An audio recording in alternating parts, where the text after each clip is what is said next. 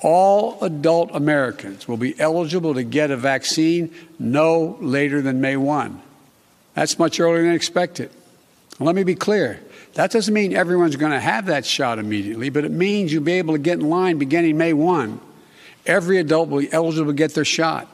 And to do this, we're going to go from a million shots a day that I promised in December before I was sworn in to maintaining, beating our current pace of 2 million shots a day, outpacing the rest of the world. Just nu handlar allt om vaccinen mot corona, om sprutorna som förhoppningsvis ska kunna ta oss ur den här pandemin. Men som bekant är förutsättningarna inte de samma för världens alla länder. Vissa har lagren fulla, andra väntar på leveranser, en del har inte fått några doser alls. Och USAs president Joe Biden, som vi hörde här i början, ja, han har valt väg och strategi för sitt land. Och den lyder America first. Inga doser får lämna landet, inte ens till grannarna Kanada och Mexiko. Och det beror inte på att USA har för lite vaccin. Just nu har landet till exempel mellan 10 och 30 miljoner doser av AstraZenecas vaccin inlåsta i kylar. Vaccin som inte används eftersom USA inte godkänt det än. Landet har också egen tillverkning av flera olika vaccin plus att man importerar vaccin från EU. Så vad är orsaken till Bidens beslut? Hur har omvärlden reagerat? Och vad händer när vaccinklyftorna bara växer i världen? Det tar vi upp i dagens Aftonbladet Daily.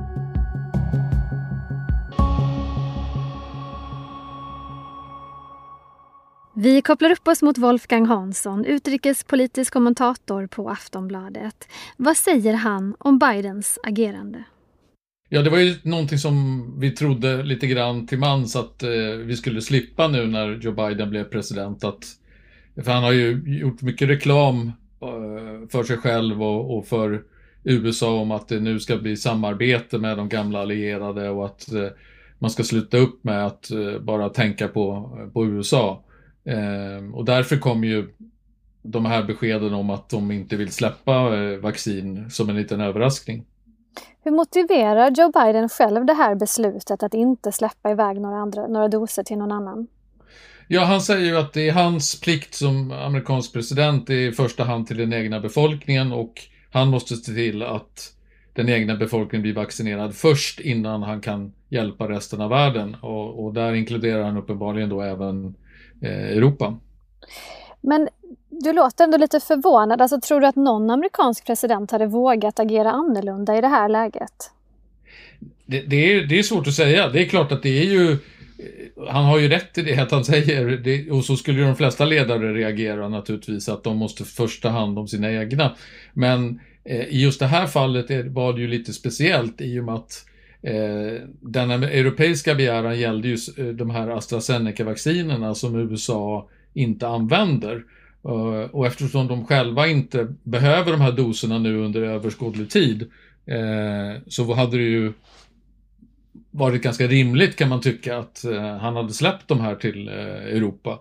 Eh, även om vi nu har den här situationen med att vi inte vet om det är godkänt här eller inte. Men när, när beslutet fattades så var det ju ändå så att Europa var i väldigt stort behov av det här vaccinet. Du har skrivit i en krönika nyligen att Joe Biden visar sig inte vara bättre än Donald Trump. Hur menar du lite mer utförligt? Ja, det är ju just det här att han Eh, eh, under valrörelsen så, så fördömde han ju denna eh, America First-politiken och att det skulle bli, han sa att det skulle bli slut på den. Eh, men när det nu väl kommer till kritan så att säga, när det sätts på sitt prov, då visar han ju att han på det, åtminstone när det gäller vaccinerna, så eh, håller han fast vid den här America First-politiken eh, som Donald Trump hade. Eh, jag menar, Donald, att Donald Trump hade kommit med ett sånt här beslut, det hade ju ingen varit förvånad över. Det hade ju snarare varit en sensation om man hade sagt något annat. Men att Joe Biden följer i samma linje eh, ger ju upphov i alla fall till en viss besvikelse och till att eh, Europa kanske får omvärdera lite grann hur, hur eh, vad man egentligen, vilka förväntningar man egentligen kan ha på USAs president. Ja, på tal om reaktioner, hur har omvärlden och kanske framförallt då EU reagerat på Bidens beslut? Ja, man är ju väldigt besvikna och eh, bara häromdagen så sa ju eh, Ursula von der Leyen, EUs ordförande, eh, eller hon hotade med att EU skulle eh, upphöra med export till länder som inte själva exporterar till EU. Och då var det inte bara USA hon riktade sig mot, utan kanske framförallt Storbritannien ju som eh, eh har tagit emot väldigt många doser av, av, vaccin från EU, men där EU inte har fått något vaccin eh, i, i utbyte. Eh, och, och, det säger EU nu att om det fortsätter så här så är det oacceptabelt och då måste vi vidta åtgärder för att stoppa den, eh, den exporten som går ut från Europa eftersom vi, vi också behöver vaccin. Mm. Samtidigt som USA då tänker America first så har både Kina och Ryssland, de för en helt annan typ av vaccinpolitik. Kan du berätta om det? Ja, de har ju istället utnyttjat den här situationen med, med pandemin Eh, för sina egna geopolitiska syften. Eh, de har ju båda utvecklat egna vacciner. Ryssland har det här Sputnik 5 och Kina har fem olika vacciner som de har utvecklat varav det här Sinopharm är det mest eh, kända. Och de erbjuder den här vaccinen till länder eh, som annars skulle ha svårt att få vaccin. Vi har exempelvis eh, Serbien som då ju EU lite grann sa så här att eftersom de ändå är ett kandidatland att vi ska göra vad vi kan för att ni ska få eh, vaccin via, via den här eh, potten som EU får. Men sen kom det inget vaccin, eller väldigt lite i alla fall, från EU till Serbien och då vände sig Serbien till Kina. Och då var ju Kina väldigt snabba med att spela rollen av räddande ängel och förse eh, Serbien med ett antal miljoner doser. Eh, och det var till och med så att den serbiske presidenten eh, kysste Kinas flagga på flygplatsen mm. eh, i, i Belgrad eh, för att visa sin tacksamhet. Så att, eh, och ryssarna i sin tur, de, de har, vill gärna sätta in en kil mellan olika EU-länder, så de har försett eh, bland annat Ungern då med sitt Sputnik-vaccin.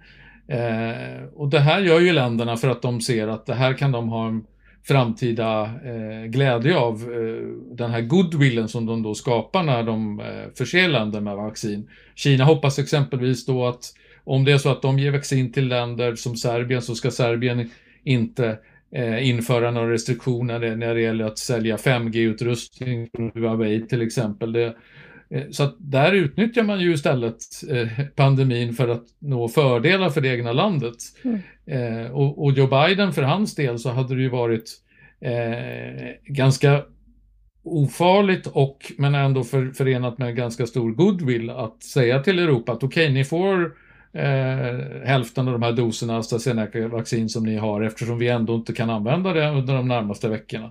Eh, det hade han ju kunnat vinna, vinna väldigt många poänger på. Men eftersom han är en politiker som i motsats till Putin eller Xi Jinping eh, måste väljas om av folket så, så vågade han väl inte riktigt eh, göra så. Det finns ju en uppenbar risk att de här vaccinkonflikterna eskalerar och att stämningen eh, och oron kanske blir förvärrad också ju längre vi, vi kommer i den här processen och att folk blir frustrerade över att deras länder får mindre vaccin eller att man inte kommer igång som man har velat och så. Vad tror du konsekvenserna på ett globalt plan kan bli när vi hamnar i den här typen av vaccinkonflikt helt enkelt?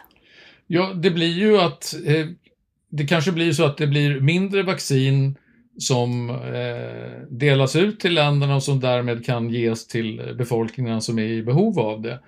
Eh, vi, vi, ser ju, eh, om, om vi ska se till det här med att skapa någon slags flockimmunitet eh, för oss alla så att vi kan börja resa igen och att ekonomierna i länderna kan börja fungera på ett normalt sätt igen. Det förutsätter ju, turism är ju en väldigt viktig inkomstkälla för många länder. Eh, då förutsätter ju det att den här eh, att människor i alla länder i världen eh, får vaccin och, och därmed får ett skydd mot sjukdomen. Därför att om, om vi bara vaccinerar oss själva, då kan vi leva innanför vår lilla gräns, men vi kan ju inte röra oss utanför den, för då riskerar ju ändå de som inte har blivit vaccinerade att bli sjuka. Och det, framförallt så riskerar man att det blir nya mutationer av, av viruset som det här vaccinet inte biter på. Så att det ligger i hela världens intresse av att så många som möjligt vaccineras så fort som möjligt innan viruset hinner mutera allt för mycket. Eh, och det är den eh, känslan som saknas lite grann här, utan när, när varje land krigar för sig själv i första hand istället för att se till, till helheten. Jag förstår att det är svårt i ett sånt läge när det blir ett väldigt tryck från den egna befolkningen naturligtvis, att var är vårt vaccin? Men det är ju det som, eh, som skiljer en bra ledare från en, en mindre bra, det är ju att man har förmågan att, att se den stora bilden och göra det som i slutändan är bäst, inte bara det som ger mest röster för tillfället. Ja, och där kan man väl fråga sig då, hur populär blir Joe Biden när han tar den här typen av beslut som handlar just om America first? Det går ju ganska bra för USA om vi tänker på deras process med vaccinationen och även när det gäller smittspridningen så har det ju lugnat ner sig en del om jag förstått saken rätt. Eh, det måste ju ändå vara så att, han, att, han, att hans första tid, han vill sätta liksom ett avtryck av att nu, nu räddar jag mitt land. Ja, absolut. Och det, och det har han ju lyckats ganska bra med. Eh, han, eh, man, han, hans popularitetssiffror är ju inte, eh, rusar väl inte i höjden precis, men de ligger ju ändå ganska stadigt kring en bra bit över 50 strecket i USA som tycker att han gör ett bra jobb. Och med tanke på den polarisering som är i USA nu eh, så är det en, en, en, ganska bra siffra. Det är i alla fall, eh, i alla fall en 15-20% högre än vad, vad president Trump hade när, i slutet av sin period. Så att eh, det verkar ju ändå som att många tycker att han gör ett hyfsat jobb. Och förutom coronapandemin då, som förstås upptar en stor del av Bidens tid och kraft, är det någonting annat man kan säga om det han har uträttat eller inte uträttat hittills? Märker man av hur hans politik nu, nu eh, ter sig? Ja, det är väl, men det är klart, det har ju också med corona att göra. Det är ju det här hjälppaketet han har eh, då fått igenom på 1,9 eh, biljoner dollar. Eh, och det är alltså då bland annat innehåller en check till alla amerikanska familjer på eh, nästan 20 000 kronor. Eh, och det är ju naturligtvis eh, en stor framgång för honom. Eh, sen finns det ju andra frågor där han har börjat så att säga försöka få till eh, en ny politik som till exempel invandringsfrågan. Men där har han ju stött på problem därför att vi har ju sett nu hur vid gränsen mellan USA och Mexiko, där kommer det ju rekordmycket mycket flyktingar och framförallt ensamkommande barn. Och det sätter man ju i samband med att han har lovat att de ensamkommande ska behandlas eh, mycket bättre under hans eh, styre än under Donald Trumps. Och det kan ju eh, verka som en, en, en, faktor som gör att folk, fler nu söker sig till USA än gjorde det tidigare. Och det var väl inte riktigt vad han hade tänkt sig. Och inget vaccin till Mexiko heller, på tal om Mexiko. Nej, precis. Ingen vaccin till någon annan än, än USA än så länge. Men han, USA, man ska ju säga till, till USA och hans fördel så kan man ju säga att de åtminstone har gett 4 miljarder dollar till den här COVAX-organisationen eh, så att säga som ska eh, programmet som, som är FNs program för att ge vaccin till eh, världens fattiga länder. Eh, men det är ju naturligtvis inget som kommer att, att resultera i att vaccinet produceras direkt utan det är ju på längre sikt som man kommer att kunna vaccinera väldigt många fler människor. Då. Tack Wolfgang. Tack. Sist här hörde vi Wolfgang Hansson, utrikespolitisk kommentator på Aftonbladet. Jag heter Olivia Svensson och du har lyssnat på Aftonbladet Daily. Glöm inte att prenumerera på podden så missar du inga avsnitt. Och vill du hålla dig uppdaterad kring den här utvecklingen så går du som vanligt in på aftonbladet.se. Vi hörs igen snart. Hej då!